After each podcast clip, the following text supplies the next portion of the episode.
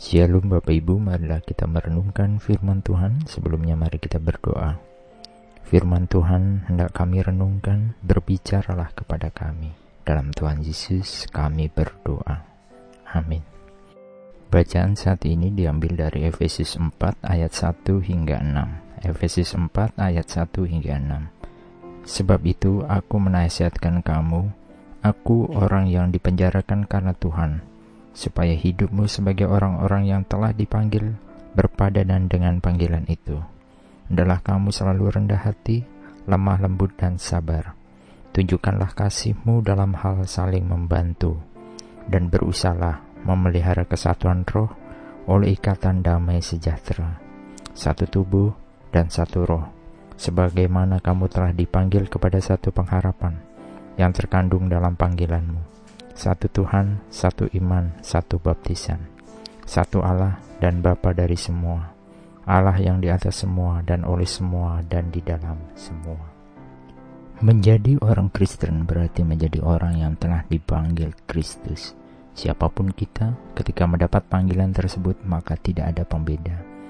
Dari bangsa mana, dari suku apa, latar belakang sosial seperti apa, pintar, bodoh, ganteng, jelek, semua memiliki panggilan yang sama. Semua harus taat kepada Tuhan ketika Dia dipanggil. Dan ini juga berarti semua orang yang telah dipanggil turut serta dalam persekutuan dengannya sesuai sebagai umat yang telah dipanggil. Apa yang harus dilakukan sebagai umat yang dipanggil? Yang pertama adalah kita harus rendah hati. Rendah hati adalah lawan dari kesombongan. Jika suatu persekutuan dibangun dari kesombongan, maka rusaklah persekutuan tersebut.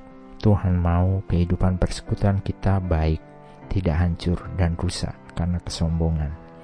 Kerendahan hati berasal dari pengenalan diri. Kerendahan hati berarti menyadari bahwa kita adalah manusia berdosa dan memperoleh panggilan karena anugerah dari Tuhan saja. Kerendahan hati bersumber dari hidup yang dipimpin Tuhan. Yang kedua adalah lemah lembut. Dalam sebuah persekutuan, ketika kita saling mengingatkan, sampaikanlah dengan kelemah lembutan. Jika ada kemarahan, kemarahan tidak disampaikan pada waktu yang tidak tepat, tetapi biarlah ada dalam kendali Tuhan. Yang ketiga, kita harus sabar. Sabar yang dimaksud adalah tidak kenal lelah dan pantang menyerah tidak mudah kalah ketika tekanan kegagalan dan penderitaan ada dalam kehidupan kita, dan tidak mudah sakit hati atau berkeluh kesah ketika ada cacian dan hinaan. Hal-hal tersebut adalah sebagian sikap umat yang dipanggil, kasih yang ada dalam diri kita, yang diberikan Tuhan bagi setiap orang percaya, menjadikan kita mampu berlaku dan bertindak, serta menjalankan kehidupan persekutuan kita baik di dalam persekutuan di dalam rumah tangga kita masing-masing atau persekutuan kita di gereja dan di dalam masyarakat.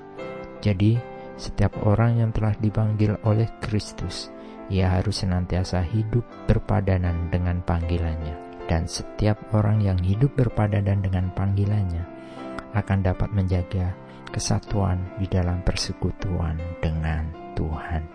Amin. Mari kita berdoa. Tuhan, ajar kami memiliki hidup yang rendah hati, lemah lembut, dan sabar. Karena itulah panggilan kehidupan kami. Jadikan hidup ini berarti bagi semua persekutuan kami. Dalam Tuhan Yesus kami berdoa.